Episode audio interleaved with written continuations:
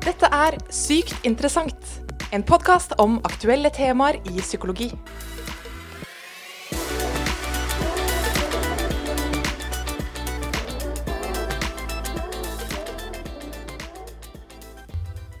Hei og velkommen til en ny podkastepisode. Jeg heter Ella Marie Sandbakken, og på andre siden av mikrofonen her så har jeg deg, Mette. Ja, hei. Jeg heter Mette Espe Myrmæl, og jeg og Ella vi er høyskolelektorer. Mm. Og Mette, du har sagt at du vil snakke om et veldig spennende tema i dag. Eh, hvordan fenomener eller erfaringer i barndommen kan påvirke kjærlighetsforhold senere i livet. ikke sant? Ja, stemmer. Mhm. Fordi det er jo et kjent fenomen for mange at eh, ting som skjer i løpet av livet, påvirker en. Som f.eks. at en som blir mobba på barneskolen, kanskje får en risiko for dårligere psykisk helse senere i livet, Mm. osv. Men visste du at hvordan du ble møtt av omsorgspersonen din eh, når du var liten, kan påvirke hvordan du fungerer i et kjærlighetsforhold senere i livet? Nei, det er jo veldig nytt for meg. i hvert fall. Spennende tema. Da gleder jeg meg til å høre mer om det. La oss sette i gang. Ok, Så du sier at eh, det å, det, hvordan man ble møtt av en omsorgs, omsorgsperson som liten, at det kan påvirke hvordan man funker i forhold senere? Det, Det er det det skal handle om i dag. Mhm. Ja, hvordan, eh, hvordan er det det skjer? Ja, det er jo litt sånn spennende og kanskje litt fascinerende, fordi det påvirkes av det man på fagspråket kaller for tilknytning eh, tidlig Ja. i livet. Og det er et emosjonelt eller et uh, følelsesmessig bånd mellom en omsorgsperson, typisk uh, en mor eller far, og barnet. Og dette følelsesmessige båndet det dannes ved at uh, foreldrene da dekker barnets behov, både fysiske og psykiske behov. da. Mm, ikke sant? Fysiske behov det er ganske lett å forstå, men, men eh, det har blitt tatt psykisk vare på. Hva er det det innebærer?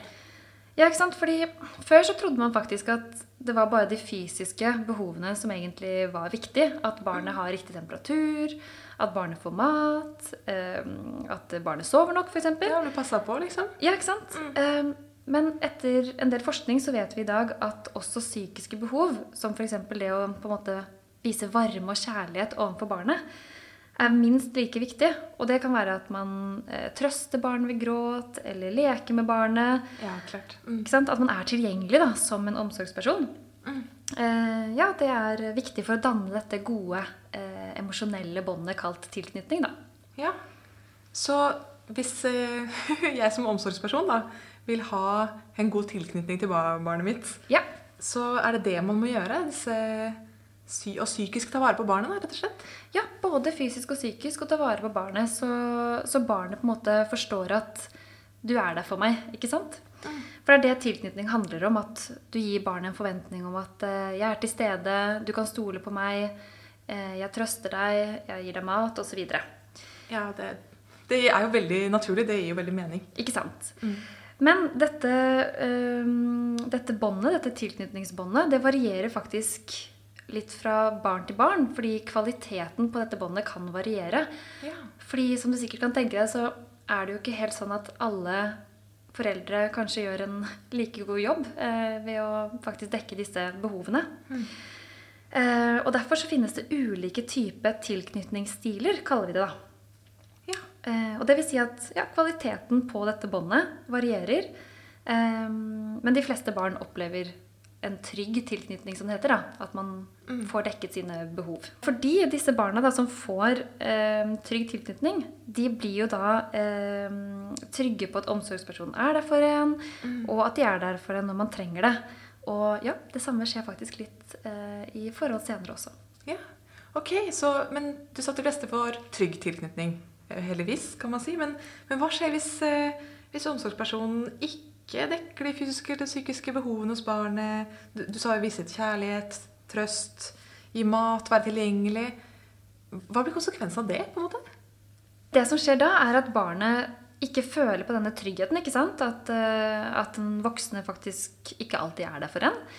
Nei. Og det kaller man jo da utrygg tilknytning. Em, og det finnes ulike former for utrygg tilknytning. Og det kan jo da komme av at foreldrene f.eks. ikke er så forutsigbare. Eh, De gir av og til kjærlighet, av og til dekker de behov, av og til ikke. Eh, Noen kan også være altfor strenge i grensesettingen. Mm. kanskje ikke alltid trøste barnet hvis det gråter, f.eks. Men man ser tendenser til at det man opplever som barn, og den type tilknytningsstil man får, påvirker hvilken tilknytningsstil man får i et parforhold senere. Fordi man Ja. faktisk kan eh, undersøke eh, tilknytningsstil også i parforhold. Ikke sant? Men, men du sier at det ikke er helt eh, Det er ikke en, en skjebne, man er ikke satt i sten hvis man da har Nei, hatt en utrygg tilknytning, eller? Absolutt ikke, og det er jo egentlig veldig fint, fordi man kan jo tenke seg at alle forhold i løpet av livet Eller det er mange ting som kan påvirke det, da. Em, du får jo venner og kanskje flere forskjellige kjærester i løpet av livet som kan korrigere litt eh, hvilke forventninger du får da, til en partner.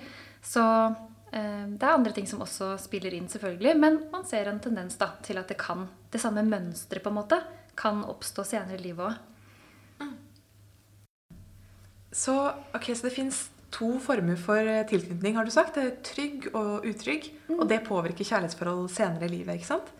Ja, det gjør det, men uh, så er det jo på en måte en litt det er, det er flere måter å dele det inn på også. Det er på en måte ikke så enkelt at det bare er trygg og utrygg. Nei. Fordi utrygg kan også deles inn i to ulike kategorier. ja. Så den ene er utrygg ambivalent, og den andre heter utrygg unnvikende. Og jeg skal ikke gå for mye inn på hva de ulike stilene på en måte kjennes igjen ved, og hvordan man på en måte måler hvilken tilknytningsstil man har.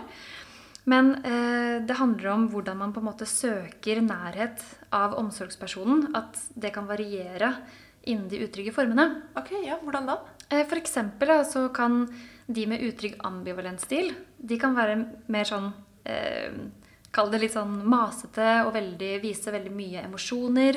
Eh, altså følelser og kanskje eh, ja, kreve egentlig omsorgspersonens kjærlighet. da, Og vise at dette her Nå må du eh, oppfylle mine behov, på en måte. Og det kommer ofte av en omsorgsperson som er litt eh, Noen ganger veldig til stede, andre ganger ikke så veldig til stede. Ja, at Derfor blir det ambivalent? på en måte? Ja, ikke sant? Det ligger litt i ordet at barnet blir litt sånn Hæ, er du der, er du der ikke? Mens en med eh, utrygg unnvikende stil, det er, mm, kommer mer av at omsorgspersonen ikke helt Kanskje alltid tåler følelsene til barnet. Si at det gråter eller blir veldig sint, så bare overser personen eller omsorgspersonen barnet. Eller Og det gjør jo da at barnet unngår å vise følelser til omsorgspersonen når man egentlig da trenger eh, å få sine behov dekket. Hvis man trenger kjærlighet eller trøst, Ja. så bare unngår man det. Og det er det som skiller utrygg unnvikende og utrygg ambivalent. At ambivalent kanskje er litt mer sånn krever kjærligheten og viser mye følelser og kanskje blir litt mye, på en måte. Ja. Mens den unnvikende ikke sant, er Trekker seg unna? Ja, akkurat. Skjønner, så Det er ganske forskjellig, egentlig, da, to, disse to formene for uttrykk, tilknytning. Ja, det er egentlig det. Så, Men er det da sånn at dette tar man på en måte litt med seg fra barndommen og inn i parforhold? Sånn som du sa du skulle komme litt inn på? Ja, det er helt riktig. Ehm, De på en måte tilknytningsstilene man har som barn, eller den tilknytningsstilen man har, det kan påvirke hvordan man viser og responderer på kjærlighet i eh, relasjoner senere i livet. Og det er veldig spennende, og det skal vi snakke mer om nå. Ja, så nå er vi rett og slett inne på selve kjernen av temaet i dag. Hvordan, eh, hvordan er det disse tilknytningsformene som vi da har laget når vi er små, eh, i relasjoner med voksne personer, hvordan, hvordan er det det kan påvirke kjærlighetsforhold senere? Ja, ikke sant? Fordi det som skjer, er at man går fra å ha typisk en mor eller far da, som sin nærmeste omsorgsperson, til å ha en annen person, en kjæreste, ikke sant? Typisk. Og det man ser da, er at man har en tendens til å ha de samme mønstrene uh, i et parforhold senere i livet som man hadde da man var ung. Uh, spesielt når uh, ja, man ønsker kjærlighet eller responderer på kjærlighet, da.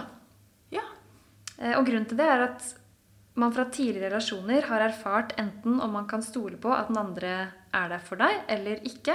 Altså om man er trygg på at de nærmeste kommer til å være der for deg, eller om personen ikke kommer til å være der for deg. ja og, men du sa at det kan endre seg i stad. At eh, ok, så kanskje man hadde en trygg tilknytning som liten. Ja. Men hvis man har et veldig utrygt forhold, kan man på en måte ta med det videre i neste? Eh, Eller hvordan er det det funker? Ja, absolutt, fordi alle erfaringer i livet vil jo kunne påvirke deg. Så hvis du har hatt si, en trygg tilknytning i barndommen, og så ender du opp i et forhold som absolutt ikke er trygt, Ja. så vil jo det også selvfølgelig påvirke deg videre. Eh, Men man har også sett at det som skjer tidlig i livet, sitter ganske sånn eh, sterkt i oss, på en måte. Det, Ja. eh, det tar vi med oss senere i livet. Men selvfølgelig så er det mulig å på en måte rette litt opp i de tingene, da. Så man er avhengig av å finne en trygg partner senere også. Ikke sant, skjønner. Mm. Så, men hvordan er det man ser dette i parforhold? Ja, ikke sant? Um, hvis vi tar et eksempel med disse unnvikende utrygge, da, så er jo de på en måte De har en tendens i voksen alder til å kanskje trekke seg litt unna, ha problemer med å slippe til følelser Ja. og nærhet overfor partneren sin. Og det er jo litt det samme som en unnvikende, eh, et unnvikende barn ville gjort. At de får litt sånn eh, Jeg føler at eh, den andre personen ikke rommer følelsene til dem, da. Så vil man heller ikke vise dem. Ja. Eh, Så det er litt det samme mønsteret som går igjen. Um, og det samme gjelder jo for de som kanskje hadde en ambivalent tilknytning i barndommen. Så vil man se at, um, eh, at personen kanskje blir litt mer Altså veldig mye emosjoner, veldig mye følelser. eh, Kanskje kan kreve litt mye av partneren, da. ja, senere i parforhold. Ja. Og trygg, da? Ja, ikke sant? Er alt, Trygg- eh, fint og flott. Alt fint og flott. Ja, ikke sant? For det er jo, eh, dette her er jo selvfølgelig bare eh, Det er ikke alltid sånn at en person som er ambivalent, viser masse følelser og er masete og sånne ting. Det handler Nei. mest om det jeg skal komme tilbake til, at når man blir redd for at personen ikke er der for en, det er da disse tingene vises, da. Ok, Så det må det trigges av en eller annen sånn Ja. situasjon eller frykt eller noe Ja, sånt? typisk i en krangel, som jeg kommer tilbake til etterpå. Eh, Men dette med trygg tilknytning, som du spurte om, der er mer tendensen at man, eh, man ser at de er trygge på at den andre partneren er der for en. Og på en måte, man har også sett at de med trygg tilknytning eh, oftere eh, har eh, gode og langvarige relasjoner enn de som har utrygg tilknytning, dessverre. Så, eh, så tenkte jeg at vi kunne egentlig ta det eksempelet nå, da, siden eh, det var litt som jeg sa, at det er noe som trigger, ikke sant? Eh, at disse reaksjonene kommer fram. Og et veldig godt eksempel på det er jo krangling. Ja, ikke sant. Mm. Så da kan det utløses litt, eller? Ja, absolutt. Fordi eh, krangling handler jo om Altså, krangling og konflikt er jo redsel for avvisning og for å bli forlatt av den andre. Og det setter i gang det man kaller for tilknytningssystemet i oss. Ok, hva er det for noe? Det er, det er jo eh, det behovet for eh, Altså et behov for at psykiske og fysiske behov blir dekket. Og er det der egentlig for meg? Kjærlighet eh, eh, Ja. Så eh, når man da får dette tilknytningssystemet aktivert, så kommer også de eh, mønstrene fram fra da man var liten, eh, tydelig, da. Ja. Så for eksempel eh, så ser man at de som er trygge under en eh, krangel, kanskje tenker eh, Partneren min er jo glad i meg, og personen er sikkert bare veldig sliten og eh, mener jo ikke noe med de kommentarene eller denne kranglingen. Og ja, det er irriterende, men man vet at intensjonen bak er i bunn og grunn god, da. Så ja, ikke sant. ja, så da har man en, på en måte en, en tanke med seg fra man er liten om at ja, ja, men selv om vi krangler og ting går opp og ned, og selv om mitt tilknytningssystem er aktivert, så går det bra til slutt. Ja. Mm. Men, Men, ikke med de andre formene? nei, ikke alltid. Hvis man setter det på spissen, da, så er det litt sånn Ja, for dette er litt satt på spissen, ikke sant? Absolutt. absolutt. Eh, nei, eksempel en som er eh, unnvikende, vil jo, har man sett, da, tenke mer at under en krangel at nei, men den personen er ikke der egentlig for meg. Eh, man kan kjenne mer på sånn ergelse over partneren eh, som har oppført seg dårlig, og um, ja, man legger mer skylden over på den andre personen og tenker at ja, men jeg visste at ikke du var der for meg, og det, Ja. jeg bryr meg ikke, jeg kommer ikke til å vise noen følelser fordi du er ikke der for meg uansett. Ok, så, Men trekker man seg unna? Er det, er det den type krangling, eller hvordan Ja, ikke sant? Typisk at man, eh, en unnvikende person trekker seg unna, vil ikke vise noen følelser overfor den andre personen. I hvert fall skal ikke fortelle hvordan man føler seg. Eh, fordi det er det man er vant til at fungerer fra barndommen. men, men fungerer det, da? Altså, Funker det? Ja, det, gjør jo, det gjorde i hvert fall det i barndommen fordi det, det, er en grunn for at man har den tilknytningsstilen man har. Nettopp fordi at du finner ja. strategier som fungerer for å få den nærheten du faktisk ønsker. Ja. Så det er litt sånn, det er litt komplisert, men det er jo ikke sikkert at det fungerer i et senere parforhold. Nei. Men, um, og, ja. men hva hvis det ikke funker som barn? Man, man får aldri den Er det for å beskytte seg selv at man ikke viser følelser, eller? Ja, men tilknytning handler jo egentlig om å prøve å oppnå nærhet fra den andre personen. Okay. Ja, jeg skjønner. Så egentlig så er det en strategi for å oppnå nærhet, at man trekker seg unna. For da ja. kanskje, øhm, kanskje, omsorgspersonen faktisk aksepterer deg. Fordi de vil ikke ha så mye følelser. De vil at du skal trekke deg unna. på en måte. Så tilknytning er på en måte sånn, det er strategier for å oppnå den nærheten man ønsker. da. Ok, jeg skjønner. Ja, og det samme gjør man jo i eh, et parforhold senere, igjen satt på spissen. Ja. Så det at eh, Kanskje man kan lese det litt sånn at ja, hvis kjæresten din trekker seg unna og, og blir, eh, ikke viser følelser og blir eh, sint, ergerlig, skuffa, så kan det være et tegn på at nå trenger jeg nærhet. Nå trenger jeg vite at du faktisk er der for meg. Ja, det er jo kanskje motsatt av det man får inntrykk av. på en måte. Ikke sant? Og da er det jo veldig viktig å vite om disse ulike stilene. fordi hvis du vet at ja, jeg har en litt unnvikende stil i, når jeg krangler, f.eks., mm. så er det jo også lettere å skjønne litt hva personen trenger, da.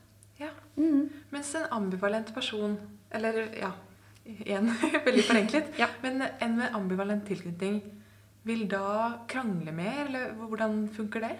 En eh, som har en ambivalent tilknytningsstil, eh, vil jo på en måte eh, som, som, jeg snakket litt om i barndommen, da, viser litt mer at man oppfører seg litt mer trengende, blir mer fortvila.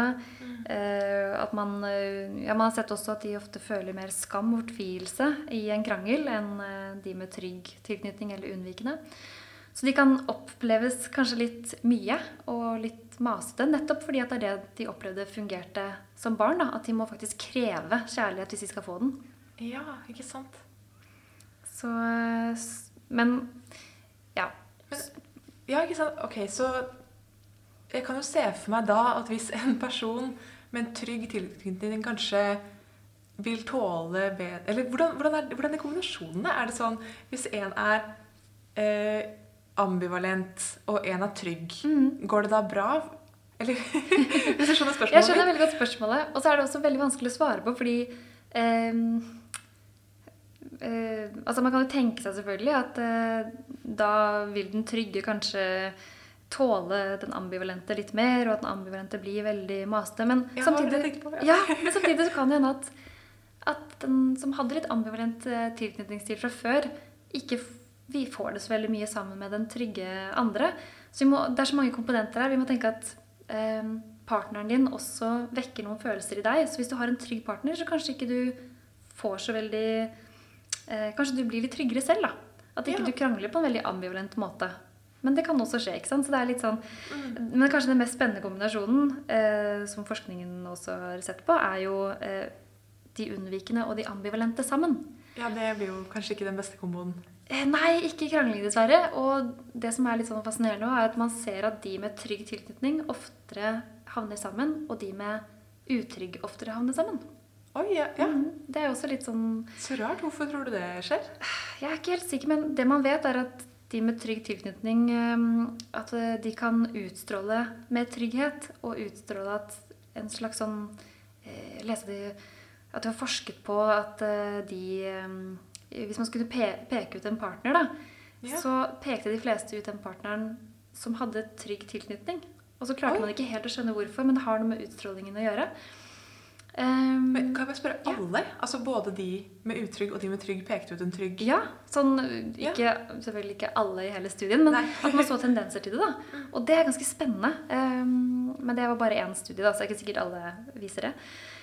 Men en utrygg og en ambivalent uh, sammen har man jo sett kan være problematisk, fordi da vil jo den ene trekke seg unna, og, da, mm. og den andre blir, får enda sterkere uh, behov for å eh, altså enda mer Det blir på en måte en som trekker seg unna, og en som maser. Da. En som følger etter. Ja, ja. Så, ja, det kan jeg se for meg. Da kan det bli litt vanskelig. Absolutt. Uh, og det jobber mange par med i parterapi også. Og prøve å finne ut av hvilken stil har man egentlig. Uh, hvordan krangler vi? Er du en person som trekker deg unna? Hva trenger du da? Ja, mye rundt dette her, da. Men hvis det er to unnvikende, Ja. i teorien vil ikke det da funke helt greit? Hmm. Jo, du har et godt poeng. Fordi da vil måte begge to. Men samtidig så vil jo da kanskje begge trekke seg unna, og får man egentlig da pratet om problemet? Ja, Det det. Men dette er litt utenfor mitt felt også. Jeg vet ikke helt. Det hadde ikke vært veldig spennende å uh, funnet ut av Ja, hvordan det det- fungerer. I teorien det høres jo ikke helt eh, bra ut, men samtidig tenker jeg kanskje Jeg tror det funker bedre enn en som er ambivalent, og en som er unnvikende, i hvert fall. Ja, for da krasjer det litt. Ja. Mens den trygge ja, sier seg selv, på en måte. Der er det enklest å få det til å funke. Ja, man eh, ser i hvert fall at de oftere har eh, De fungerer bedre i parforhold. Men selvfølgelig er det ikke sånn at eh, hvis du har en trygg tilknytning, så krangler man ikke så veldig mye, og man Alt er rosenrødt. Det er jo absolutt ikke sånn. Alt er veldig satt på spissen her nå. Men det er, det er spennende å se da, hvordan man kan faktisk kategorisere på denne måten. Og, og jeg tror man kan lære ganske mye av det også. Å vite om disse ulike stilene. fordi da kan man også kanskje forstå partneren sin litt bedre. Og seg selv. Ja. Mm. Men du har sagt at det kommer fra barndommen. Ja. Så det handler mye om mor eller far, eller kanskje begge. Eh, at det er det som har en, en effekt, eller det er det vi snakker om i denne poden, i hvert fall. Ja. Men hvis man da har en utrygg tilknytning Ja. eh, En trygg er jo greit, da, da går det som regel eh, fint senere. Men hvis du har en utrygg tilknytning fra du var liten, vil man da uansett fungere litt dårligere? Har man, har man litt dårligere utgangspunkt? Og kan man endre på det? For du har snakket litt om jo, hvis man har noen trygge forhold, så kan man endre det. Men, men dette skjer kanskje ikke over natta. Så, så hvordan er denne prosessen for å på en måte få en litt tryggere tilknytning? Ja, det skjønner jeg at du spør om, og det er jo ikke så lett å svare på heller. Fordi man vet at gjennom øh, utviklingen, altså gjennom at man vokser opp, så er det så mange forskjellige ting som kan påvirke en. Og noen er mye mer robuste enn andre. Noen øh, skreller av seg en utrygg tilknytning og fungerer kjempegodt i et parforhold, mens andre Ja. kanskje er litt mer øh, at det henger litt mer, mer igjen, da. Og det vet man ikke helt hvorfor, men man har sett at eh, personlighet og seksualitet og evnen til å binde seg til andre også er komponenter som, som bidrar i hvilken tilknytningsstil og hvordan, hvor godt man fungerer i et parforhold, da. Faktisk. Hvis det er litt sånn personlighetsforskjeller Ja, ja, eller, eh, absolutt. I ja. temperament, f.eks. Ikke sant? Ja. Så, eh, så igjen så er det veldig sånn kategorisert og satt på spissen, men, men man ser tendenser da, Mm. til at det ene kan føre til det andre. Um, men det viktigste er jo å prøve å være litt bevisst på dette og finne en partner som man er trygg på. fordi det vil jo kanskje være den beste måten å, å bli trygg selv også, da. Ved at man opplever at Nei, men partneren min er der for deg, eller er det for meg over tid. um, og ja, sakte, men sikkert utvikle en mer trygg tilknytning. Men det tar nok litt tid, ja. Det vil jeg tro. At ikke det skjer over natta. Ja. Mm. Det er spennende det du sier om at folk er litt forskjellige også. For jeg kan jo jeg skjønner at vi snakker om det store bildet her, og, og på på gruppenivå og alt sånt, men, ja. men det, man har jo alltid hørt historiene om folk som hadde en fraværende foreldre, eller hadde en veldig eh, kjip, eh, traumatisk oppvekst. Og så har de, er de trygge, selvsikre Ja, ja, folk. ja. At det, det fins jo det også. Absolutt. Og det er veldig viktig å si òg at eh, ja, for mange så følger det det mønsteret hele veien. Mens for andre så Vi kaller det sånn resiliensbarn. Og De som på en måte Det preller av dem. Det, det går fint uansett. Og det kan komme av mange forskjellige ting. Eh, Kanskje man også har gode venner i oppveksten. fordi relasjoner er jo ikke bare kjærester heller. Det kan jo være at man er trygg på vennene sine. Og, eller at man har en besteforelder man er trygg på. Så, så eh, det er mange ting som kan, som kan påvirke det, da. Ikke sant? Men i det store og det hele, hvis jeg har skjønt det riktig, så handler det jo om dette med, med da omsorgspersonen primært. Ja. Mor og far. Eh, som, hvordan man er da med barnet. Yes. Hvor mye oppfølging, både kjærlighet og fysiske og psykiske behov, det kan ha en ganske stor innvirkning på parforhold senere, selv om det ikke er helt satt i stein. Spennende. Veldig. Eh, og det er masse mer man kan si om dette her. Og ja, dette er et stort felt innenfor psykologi. Men eh, vi har i hvert fall tatt for oss noen noe av de eh, punktene som jeg tenker er, eh, ja, er litt spennende da, med akkurat dette med tilknytning og parforhold. Veldig kult at du ville snakke litt om det, Mette.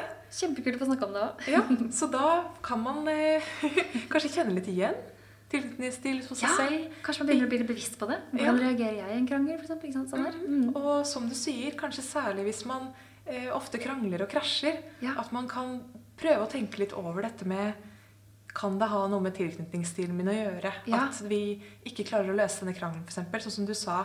Mm. Veldig spennende det med en usikker ambivalent og en usikker unnvikende Ja. tilknytningsstil kan kollidere litt sammen. Ikke sant? Så det Og høres tenke- ut som eh, ja, at dette kan hjelpe folk litt. da, Å tenke, å tenke litt over disse tingene. og Ja, jeg tror det. Og det er jo det som er litt kult med psykologi òg. At uh, man kan bruke det så anvendt. ikke sant? Du kan bruke det på en måte litt på deg selv. Og bli bevisst på oi, hvilke tanker har jeg egentlig om eh, kjæresten min når vi krangler. Tenker jeg at nei, men han er ikke der? Eller tenker jeg egentlig at intensjonen er i bunn og grunn god? Ja, Så det kan si litt om hvilken tilknytningstid man har, da. Mm. mm, Veldig spennende. Tusen takk til deg, Mette, for at du ville snakke om dette temaet. Selv takk. Og takk deg som eh, hørte på podkastepisoden vår. Du har nettopp hørt en episode av Sykt interessant. En podkast om aktuelle temaer i psykologi.